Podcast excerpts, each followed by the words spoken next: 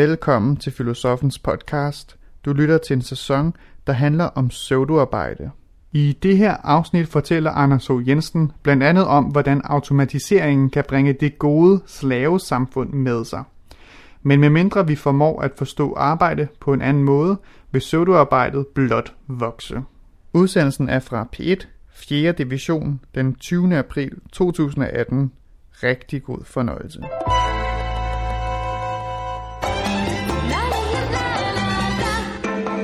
Gitte, Ja. jeg annoncerede før, at det var dig, og det var ikke dig. Du har fået testet Nej, men, Nu er det og dig. jeg er jo i den heldige situation, at jeg er jo simpelthen eneste høne i kurven, så jeg behøver ikke at sidde og sige, øh, hvad jeg hedder hver gang. Nå, nej. så jeg går bare i gang. Nu skal vi snakke om en meget omtalt bog, der udkom i den her uge, forfattet af antropolog Dennis Nørremark og filosof Anders Fogh Jensen. Den hedder Pseudoarbejde og har en undertitel, der hedder Hvordan vi fik travlt med at lave ingenting. Og den tager fat i et af arbejdsmarkedets tabuer, at meget af det arbejde, vi bruger så meget tid på, ikke skaber nogen som helst form for værdi. Der har været snakket meget om øh, ineffektivitet og registrering i det offentlige, øh, men øh, de her to går så ud og siger, at den altså også er gal i det private, især i de store organisationer for eksempel sådan en, som vi sidder i her.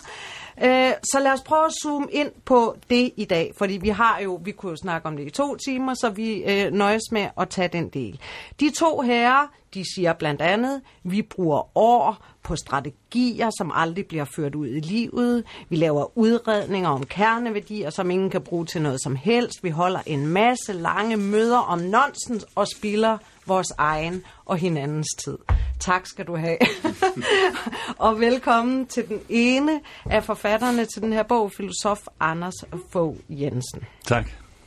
Det var en lang smøre. Det Ja. var bare lige for at lave øh, opridset her. Så øh, nu spørger jeg dig, hvorfor er det, at det her er et tabu? Ja, det er et godt spørgsmål, fordi det er jo faktisk et, Øh, altså en af de vigtige grunde til, at vi har svært ved at komme det her til livs, det er, at det er svært at tale om. Det er svært at sige, det jeg laver på arbejde, det er der ikke rigtig nogen, der skal bruge til noget. Eller det jeg brugt de sidste to år på at lave en ny kommunikationsstrategi for Hillerød Hospital, og den er arkiveret lodret nu. Øh, jeg tror, at det blandt andet har at gøre med, at vi bygger så meget af vores identitet på at være travle på arbejdet. At øh, vi har rigtig travlt, og det vi laver, det, det bliver brugt til en masse. Og øh, så er det ligesom om, at den punkterer den identitet, vi har fået bygget op, hvis vi siger, øh, men jeg er faktisk ikke særlig vigtig, eller det jeg lavede, det var, det var ligegyldigt. Øhm, vi, vi interviewer i bogen en englænder, der har skrevet en bog, der hedder The Living Dead, som handler om øh, alle de øh, talenter og liv, der bliver spil, øh, spildt inde i kontorerne.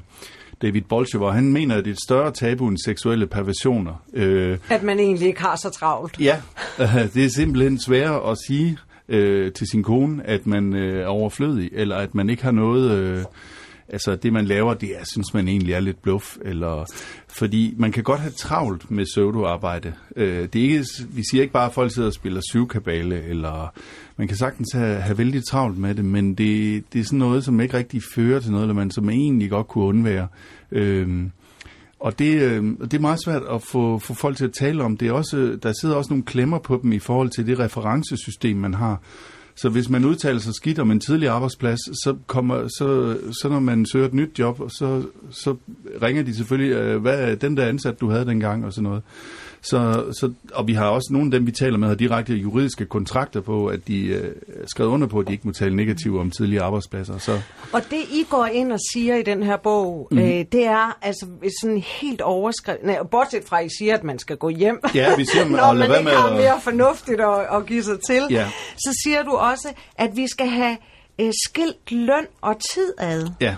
Fordi det er en rest for industrisamfundet. Ja. Prøv lige at uddybe det. Jamen det er jo fordi, at hvis man betaler folk for tid, så får man deres tid. Og det var fornuftigt nok, når vi skulle indrette fabrikker i industrisamfundet, at vi sagde, nu kommer du otte timer, og så laver du det her manuelle arbejde, og der kan du nå så meget. Men, men, øh, men med det arbejde, som mange af os har nu, der, der, er det, der, der fratager vi på en eller anden måde den, den personlige dømmekraft ved at sige, at du skal være her så så mange timer. og desværre må jeg også sige, at Venstrefløjen har været medskyldig i at holde en høj arbejdsuge, fordi det har været den måde, de har kæmpet for høj løn på. Mm-hmm. Men den er faktisk ikke dalet ret meget de sidste 30 år, øh, på trods af, at vi har fået en hel masse teknologiske landvindinger, som kunne frisætte os. Dem har vi dels omsat i mere velfærd, vil nogen sige, men vi har omsat dem i rigtig meget pseudoarbejde. Så ofte er det også sådan, at når man skrumper en, øh, forsøger at skrumpe en organisation, så så øh, skærer man ned på dem, der laver kerneydelsen, men organisationen bliver ved med at have samme størrelse, fordi der ligesom kommer et administrativt øh, pseudoarbejde. Det er luft, luftladet. Ja, luft- Nonsensladet. Ja, ja, ja, nonsens, kan man godt sige, ja. Men ved du hvad, jeg kom til at tænke på, øh, fordi jeg har faktisk prøvet det en gang i mit liv, det vil jeg godt sige her, selv om det er tabu. en arbejdsplads, hvor jeg nørklede med nogle tv-koncepter. Vil du sætte navn på? Og, og der oplevede jeg det samme. Altså det der med, at jeg egentlig... Jeg kunne lige så godt være gået over i parken, eller gået hjem til mine børn, og så var den der idé kommet, men fordi jeg ligesom følte, at jeg skulle være der. Hmm. Øh, og sådan give, give indtryk af, at jeg arbejdede meget. Ikke? Og der tænkte jeg, at jeg ville spørge dig, fordi vi kan jo tale meget om produktivitet og effektivitet, men vi ser på det enkelte menneske, så tænker jeg, at det er jo nærmest en stresstilstand i sig selv. Mm. Altså at vide, at man går rundt der, og jeg kunne også lige så godt have ladt være. Mm. Ja, det er jo faktisk noget, som for eksempel øhm, den, den øh, psykolog øh, Viktor Frankl, der har skrevet bøger om at sidde i koncentrationslejre, han sammenligner det med arbejdsløshed. Altså det, at man er øh, sat i noget, der er fuldstændig meningsløst, det er, det er faktisk kan give anledning til former øh, for stress også, som, som vi har svært ved at håndtere, fordi vi tror altid, at stress har noget at gøre med, at man har for meget at lave. Det kunne også være, at man havde for lidt, eller at det, man Jeg har været meget travlt- mindre stresset altså, i andre perioder, hvor jeg har haft død travlt. Altså, ja. det er jo det, der er så interessant. Ikke? Ja. Hvad siger I, de her? Vil I melde jer på banen? Ja, som det vil vi nogen, gerne. der har haft øh, nonsensarbejde? Nej, men øh, jeg synes, det er jo en meget spændende og væsentlig bog, som jeg absolut vil læse. øh, jeg har læst om den, og nu hører jeg dig, og jeg synes, det er spændende. Jeg vil sige, at min bekendelse er, at jeg har arbejdet meget mindre, end folk troede. Folk troede, når man var studievært på en TV-avis, så knoklede man løs. Hver eneste dag gik jeg over klokken kvart i seks, og havde afleveret manuskripterne, og fik en powernap. Jeg fik indrettet et rum herude i DR-byen, hvor lyset ikke tændte automatisk, men hvor jeg kunne sove 12 minutter. Så gik jeg derfra over i sminken, og der var parolen var, I må godt forstyrre mig, hvis paven er død, eller han indrømmer, at han har begået underslæb. Men det der med, vi kunne jo også, vi kunne jo også, det gider jeg ikke. Og jeg har gået ture midt om dagen, mens folk har været ude at lave, og jeg har simpelthen, og jeg tror, og det er sådan en påstand, og det er sådan lidt, jeg er tybo, og i ty, der går manden ikke på marken uden plov. Han går sgu ikke bare rundt og ser ud, som om han laver noget. Ellers så ligger han hjemme på sofaen. Og det tror jeg, det ligger sådan i blodet. Det var sådan en mm. modsat uh, reaktion. Ja, men og hvad jeg, er din oplevelse så? Ja, det er at, det, ikke- at det er svært for, altså det er kun sådan nogle... Øh, Anti-autoritære typer ord. Ja, Ja. ja, ja, eller også så skal man være et bestemt sted i systemet. Jeg tog også selv en overgang, øh, altså altid en middagslur midt på dagen, og det, det er jo faktisk produ- produktivt, Super. men det kan man ikke sige. Jeg kan huske, da jeg var ansat på Aarhus Universitet, og vi skulle flytte kontorerne, så de her sekretærer, de kan jo ikke forstå, hvad skulle vi med de der sofaer inde i... Øh, øh, hvad, hvad, I skal da ikke sidde i en sofa. Men det skal man jo nogle gange. Eller, og, og vi, jeg tror, at vi skal have gjort det mere cool at sige, jeg er gået hjem, eller sådan noget. Men det er ligesom om, nu er det cool at sige, eller, jeg har rigtig travlt, jeg kan nærmest ikke nå det, og sådan... Det er virkelig en form for slavemoral, fordi det kunne jo godt være, at jeg er så hurtig til mit arbejde, jeg, jeg, jeg kan bare gå hjem. Nå, jamen, ja, jeg kom bare til at tænke på, at jeg havde faktisk et job, det, det, jeg tror det er der, hvor jeg har tjent allerflest penge nogensinde, men det var sådan et type job, hvor det var sådan ret ildeset, hvis man gik væk derfra. Det var et kreativt, jeg så udviklede nogle hjemmesider og sådan noget. Og jeg blev simpelthen så deprimeret af det til sidst, så, så sagde jeg op. Altså efter mm. tre måneder, der var jeg sådan lidt, jeg kan ikke, altså, fint, at I har det sådan, jeg kan simpelthen ikke holde det ud. Jeg ved jo, der er mange mediearbejdspladser, hvor de godt kan lide, at journalisterne der også, de bliver siddende derude og skal skrive deres ting, fordi det er vigtigt for pladsen, at man ligesom er der klokken 9 om morgenen, og man går hjem klokken 17, i stedet for at lade folk gå hjem. Jeg kommer til at tænke på, det der, når vi siger, du siger venstrefløjen, men det har vel også noget at gøre med i Danmark, det der med, at vi, vi egentlig har sådan svært ved at anerkende det der med, at vi at alle har forskellige kompetencer. Hvis du er et kreativt menneske, er det måske bedre for virksomheden, mere værdiskabende, at den kreative går ud i verden, får fundet sine idéer, får sat tankerne på plads, end at de sidder foran en computerskærm og ligesom viser, at de er på arbejde. Ja, ja og det er der, vi på en eller anden måde hænger fast i, i, øh, i kun, altså kontorarbejdet har overtaget industriarbejdet, og, og, og, de kreative brancher skal så også være på kontor, øh, det, og hvor der i øvrigt er alle mulige forstyrrelser. Det viser sig, at øh, britiske ledere sådan i en undersøgelse, de bliver forstyrret hver 48 20. sekund. Altså det vil sige, at ledelse handler ikke om at udtænke store planer og sådan noget, det handler om at håndtere forstyrrelser.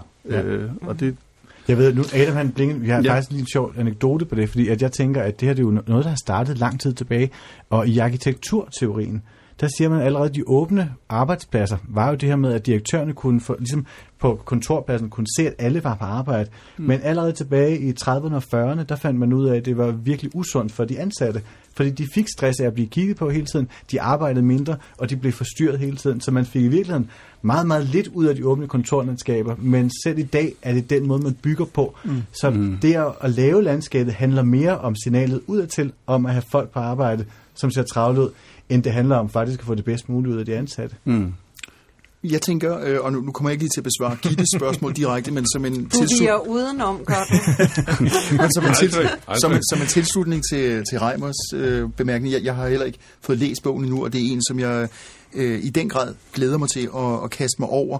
Øh, for der er jo tydeligvis virkelig meget, og nu taler vi jo sådan lidt i øst og vest, så, så det må lytterne også bære over med. Anders, det jeg tænker på, det er, øh, det er sådan populært herhjemme at sige, at vi, vi lider under, eller i hvert fald er opdraget i den lutheranske, eller måske kalvinistiske arbejdsetik. Øh, vi, vi pukler løs.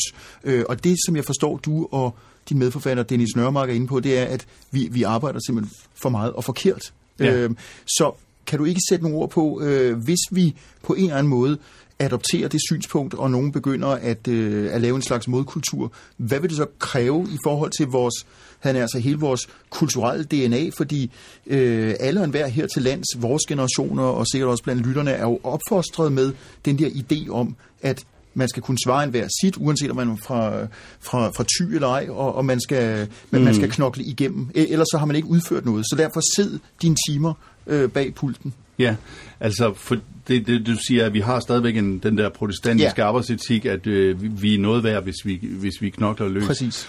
Altså noget af det, der jo ville ske, hvis man løsnede tid, og, og det kan godt være, at lige, vi ikke lige kan måle det efter en måned, men efter noget tid, tror jeg, at vi installerer sig en ny normalitet. Det vil sige, hvor normaliteten nu er at sige, at jeg har et 40-timers arbejdsuge og sådan noget.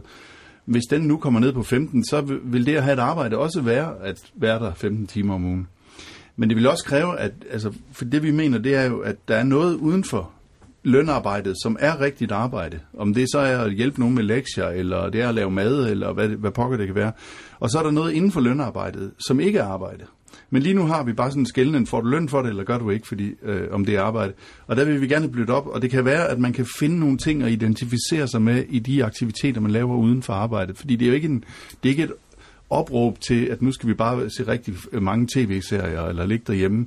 Vi tror, at, at mennesker gerne vil stofskifte med sin omverden på en eller anden måde, men det kan være, at du øh, skal række en båd til, eller øh, lakere den, eller gøre nogle andre ting, øh, som, som du finder øh, ballast i, i din identitet i, fordi vi tror lidt, at, at det at stå og, og vise PowerPoint-præsentationer i en eller anden øh, øh, uendelighed, det, er ikke, det kan du i længden ikke spejle dig i.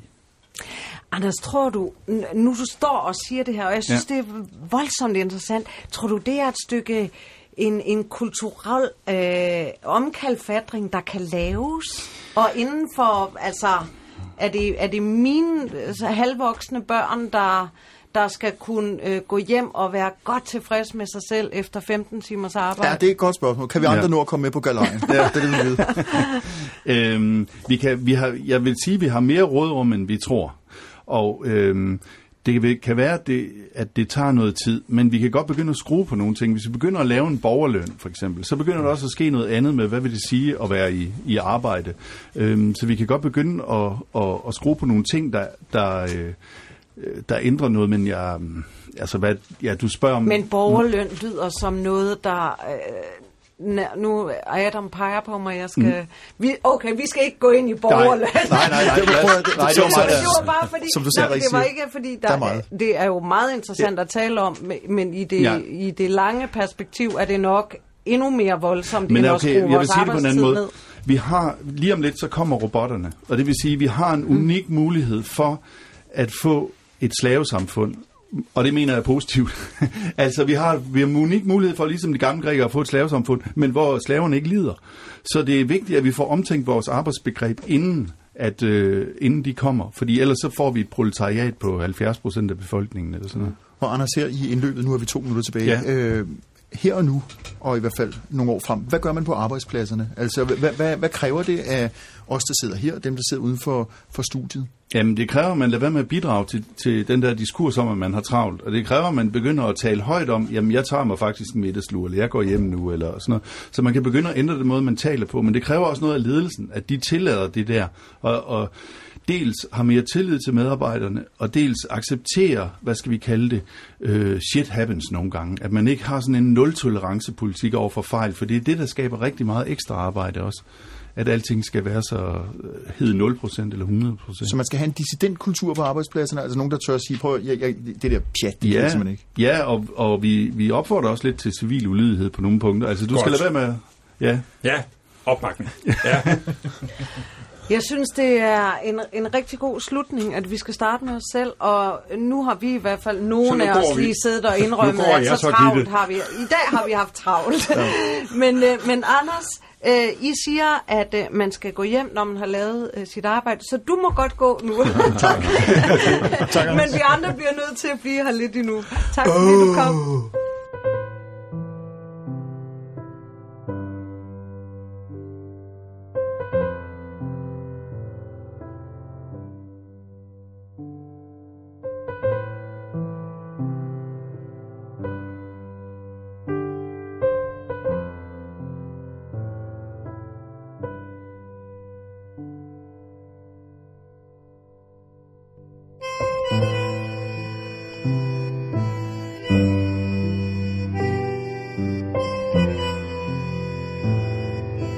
Du